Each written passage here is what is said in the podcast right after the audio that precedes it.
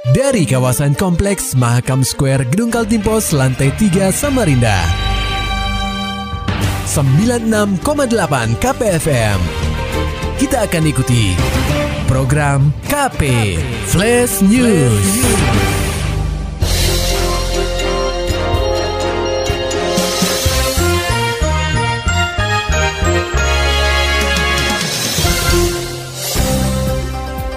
Saat ini Anda sedang mendengarkan program KP Flash News bersama saya Ian Krisna.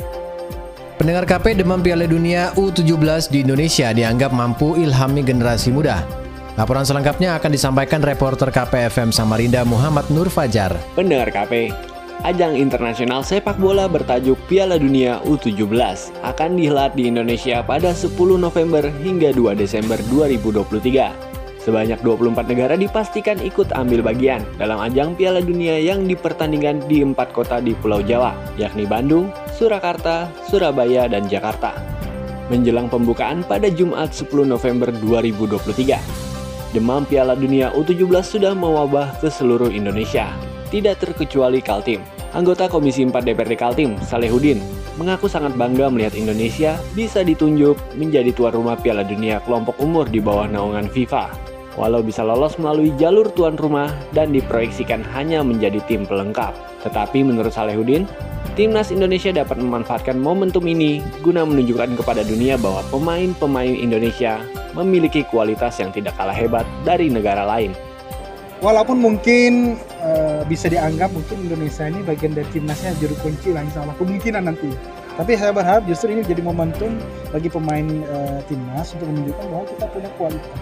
Indonesia 275 penduduknya ini punya kualitas dengan pemain-pemain yang ada itu.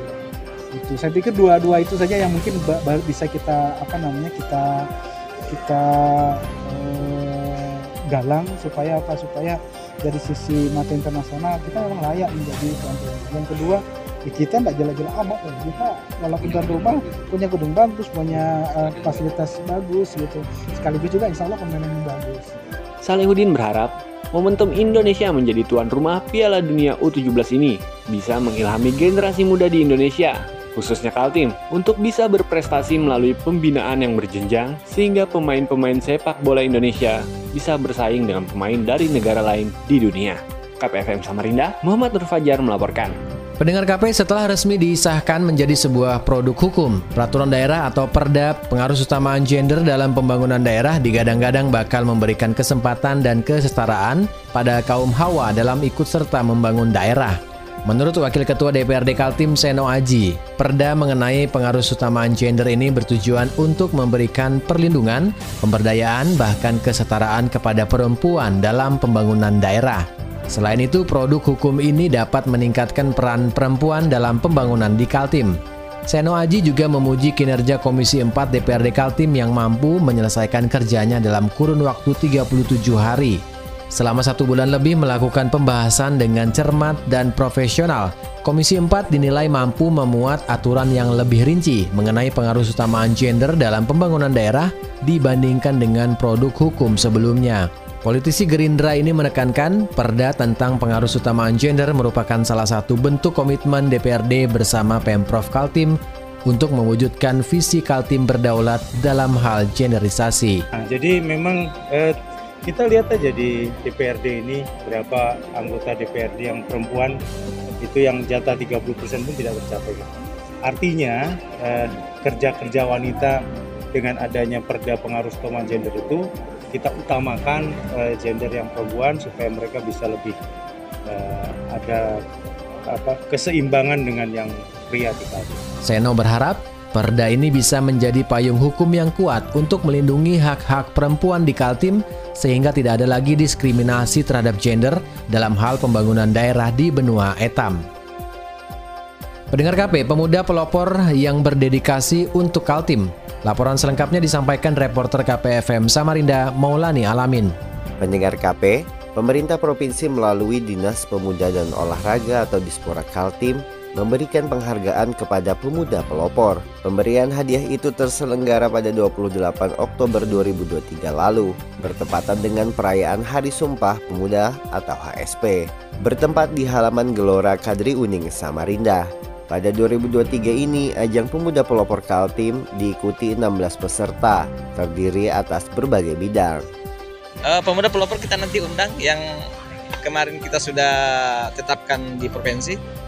Uh, pemuda pelopor di bidang inovasi teknologi, pemuda pelopor di bidang pendidikan, pemuda pelopor di bidang agama sosial budaya, dan pemuda pelopor di bidang uh, apa ya sumber daya alam lingkungan dan pariwisata nanti kita hadirkan nanti oh, pada saat HSP ya itu tadi pernyataan Kepala Bidang Pengembangan Pemuda di Spora Kaltim, Rasman Rading. Dari 16 peserta di Spora Kaltim telah menentukan lima orang pemenang. Mereka adalah Dianisa Esther Basai, Bidang Inovasi Teknologi, Reza Novrialdi bidang pengelolaan sumber daya alam, lingkungan dan pariwisata, Ikhlas Anugrah Rahmadi bidang pangan, Fabianus Tio bidang agama sosial dan budaya, dan Yurni Handayani bidang pendidikan. Nama terakhir yakni Yurni Handayani berhasil meraih juara ketiga pemuda pelopor tingkat nasional. KPFM Samarinda, Maulani Al-Amin, melaporkan. Pendengar KP program pemerataan pendidikan hingga pelosok tampaknya belum benar-benar terrealisasi di benua etam. Imbasnya, kualitas sumber daya manusia atau SDM antara kawasan perkotaan dan wilayah tertinggal, terdepan, dan terluar atau 3T mengalami kesenjangan yang cukup jauh. Berkaca dari permasalahan itu, Ketua DPRD Kaltim Hasanuddin Masud memiliki harapan besar terhadap dana yang disalurkan oleh Pemprov Kaltim ke setiap daerah. Dana tersebut akan menjadi solusi bagi permasalahan pendidikan di benua etam yang dinilai belum merata. Selain itu, pendengar KP politisi Golkar ini juga mendorong Dinas Pendidikan dan Kebudayaan atau Disdikbud Kaltim untuk memberikan perhatian khusus kepada sekolah-sekolah yang masih kekurangan infrastruktur, terutama di daerah 3T. Permasalahan pendidikan di Kaltim, kata Hasanuddin Masud, masih menjadi salah satu prioritas utama yang perlu mendapat perhatian serius dari pemerintah daerah di berbagai kabupaten dan kota. Menurut pria yang akrab disapa Hamas ini, hingga sekarang, beberapa sekolah di daerah tersebut belum memenuhi syarat dasar sarana prasarana pendidikan seperti minimnya fasilitas ruang belajar, laboratorium, dan pusat penelitian. Selain itu, pendengar KP, legislator Dapil Balikpapan ini juga percaya bahwa alokasi APBD saat ini memiliki potensi untuk mengatasi permasalahan kemiskinan dan infrastruktur pendidikan di Kaltim. Oleh sebab itu, Hamas menekankan sekarang menjadi tugas seluruh pihak untuk memberikan perhatian yang tepat kepada sektor pendidikan demi mempersiapkan generasi penerus bangsa yang lebih baik di masa depan. Pendengar KP pembangunan Ibu Kota Nusantara atau IKN di Kaltim masih menuai pro dan kontra di kalangan masyarakat. Meski pemerintah sudah menerbitkan undang-undang yang mengatur tentang pemindahan ibu kota negara ke Kaltim, namun tidak sedikit masyarakat yang resah dengan hadirnya IKN karena dianggap dapat merusak ekosistem hutan di benua etam. Menjawab keresahan itu, Wakil Ketua DPRD Kaltim Muhammad Samsun menegaskan bahwa proyek pembangunan IKN tidak akan menimbulkan degradasi hutan, sebagaimana yang menjadi keresahan beberapa pihak. Bukan tanpa alasan dia berkata demikian, mengingat sudah ada rencana detail tata ruang atau RDTR yang mengatur penggunaan ruang dan kawasan hijau di IKN yang disusun oleh Kementerian ATR BPN bersama Badan Otorita Ibu Kota Negara Nusantara. Melihat fakta itu, pendengar KP, Samsun menginginkan masyarakat untuk tidak khawatir dengan dampak pembangunan IKN terhadap lingkungan. Ia menjamin bahwa pemberian izin lahan di IKN akan dilakukan sesuai dengan skema yang telah ditetapkan dan tidak akan sembarangan, karena DPRD Kaltim akan terus mengawasi proses pembangunan IKN. Politisi dari PDIP ini menyampaikan Selain mengatur penggunaan ruang dan kawasan hijau di IKN, pemerintah juga melakukan berbagai upaya untuk mewujudkan konsep Forest City di kawasan tersebut. Forest City adalah konsep kota yang mengedepankan keberlangsungan hutan, keanekaragaman hayati, serta keseimbangan antara manusia dan alam. Beberapa upaya yang dilakukan oleh pemerintah untuk mewujudkan Forest City, seperti melakukan rehabilitasi hutan dan lahan dengan kegiatan penanaman, pembangunan pusat persemaian di Mentawir, dan pemulihan lahan bekas tambang. Upaya lainnya pendengar KP yakni mempertahankan keanekaragaman hayati dan stok karbon di kawasan IKN, serta menghindari deforestasi. Masyarakat adat dan lokal pun tidak luput untuk dilibatkan dalam pengelolaan hutan dan lahan di IKN, serta memberikan hak-hak mereka sehingga IKN bisa menjadi kota dunia yang berkelanjutan dan inklusif. Pendengar KP sebanyak 13 naskah kuno sudah diolah Dinas Perpustakaan dan Kearsipan Daerah atau DPKD Kaltim untuk dialih mediakan. Semua naskah kuno tersebut diketahui memiliki nilai sejarah dan budaya tinggi, di mana salah satunya adalah buku yang berisi tentang cara membuat senjata dengan bahasa Sansakerta yang berusia 100 tahun. Kabit Deposit Pelestarian Pengembangan Koleksi dan Pengembangan Pengolahan Buku Perpustakaan DPKD Kaltim Endang Effendi memaparkan bahwa 13 naskah kuno tersebut telah diolah dalam bentuk kaset video dan CD sejak tahun 2022 dan diperoleh melalui berbagai sumber. DPKD Kaltim kata Endang mengolah naskah kuno ini dengan cara difoto satu persatu dan kemudian diterjemahkan oleh alih media yang pakar membaca tulisan kuno. Ia mencontohkan, naskah kuno itu mengungkapkan ilmu pengetahuan dan adat istiadat yang dimiliki oleh nenek moyang masyarakat Kaltim. Endang menambahkan, pihaknya berencana mengadakan rapat koordinasi antar kabupaten dan kota tentang naskah kuno pada tahun 2024. Dia akan meminta kabupaten dan kota di Kaltim untuk memamerkan koleksi naskah kuno yang berasal dari wilayah mereka. Lebih lanjut, Endang berharap agar naskah kuno yang telah terhimpun dapat menjadi sumber informasi dan inspirasi bagi generasi muda supaya mereka mengetahui apa saja warisan budaya nenek moyang mereka. Pendengar KP sebagai salah satu kabupaten termuda di benua Etam, Mahakam Ulu atau Mahulu menjadi satu-satunya daerah di Kaltim yang belum memiliki perpustakaan dengan standar nasional. Hal ini disebabkan karena Mahulu tidak memiliki perangkat daerah yang membawahi mengenai perpustakaan dan kearsipan. Terlebih selama ini Kabupaten Mahulu belum memiliki gedung dan sumber daya manusia atau SDM sendiri untuk mengelola perpustakaan.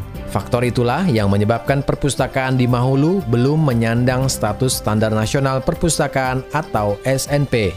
Berkaca dari hal itu, Berdengar KP, Dinas Perpustakaan dan Kearsipan Daerah atau DPKD Kaltim berupaya untuk membantu Pemkap Mahulu. PLH Kepala DPKD Kaltim Taufik menyampaikan, belum terbentuknya Dinas Perpustakaan dan Kearsipan di Mahulu disebabkan karena kondisi dan minimnya jumlah SDM di sana. Selain itu, tidak ada regulasinya atau perda yang mengatur tentang pembentukan perangkat daerah yang bertugas mengelola perpustakaan dan kearsipan. Akhirnya, pemerintah pusat dan pemerintah provinsi tidak bisa memberikan intervensi program ke daerah itu.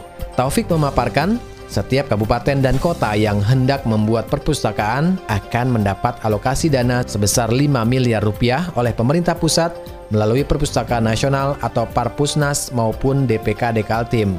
Oleh sebab itu, pendengar KP, Taufik berharap kepada pemerintah Kabupaten Mahulu untuk segera membentuk Dinas Perpustakaan dan Kearsipan agar dapat meningkatkan kualitas perpustakaan di wilayahnya sesuai dengan SNP. Dinas Perpustakaan dan Kearsipan Daerah atau DPK Dekaltim berupaya membina perpustakaan-perpustakaan yang berada di desa-desa Kaltim. Bukan tanpa alasan, hal itu harus dilakukan Mengingat dari total 841 desa, hanya 35 perpustakaan desa yang memenuhi kelayakan layanan perpustakaan. Melihat kondisi itu, PLH Kepala DPKD Kaltim Taufik berupaya membina perpustakaan di desa agar sesuai dengan standar nasional perpustakaan atau SNP. Untuk penyandang status SNP, perpustakaan harus memiliki koleksi minimal 1000 judul buku di masing-masing perpustakaan, baik perpustakaan desa maupun sekolah guna meningkatkan kualitas dan layanan perpustakaan desa. Taufik menegaskan pihaknya telah melakukan berbagai upaya, seperti melakukan advokasi untuk pembentukan perpustakaan desa di kabupaten dan kota. Selain itu, pendengar KP, DPKD Kaltim juga melakukan penguatan koleksi perpustakaan desa dengan memberikan bantuan buku dan pojok baca digital serta mensosialisasikan kepada pimpinan desa agar memanfaatkan dana desa untuk membuat perpustakaan desa. Muhammad Nur Fajar, Maulani Alamin, KPFM Samarinda.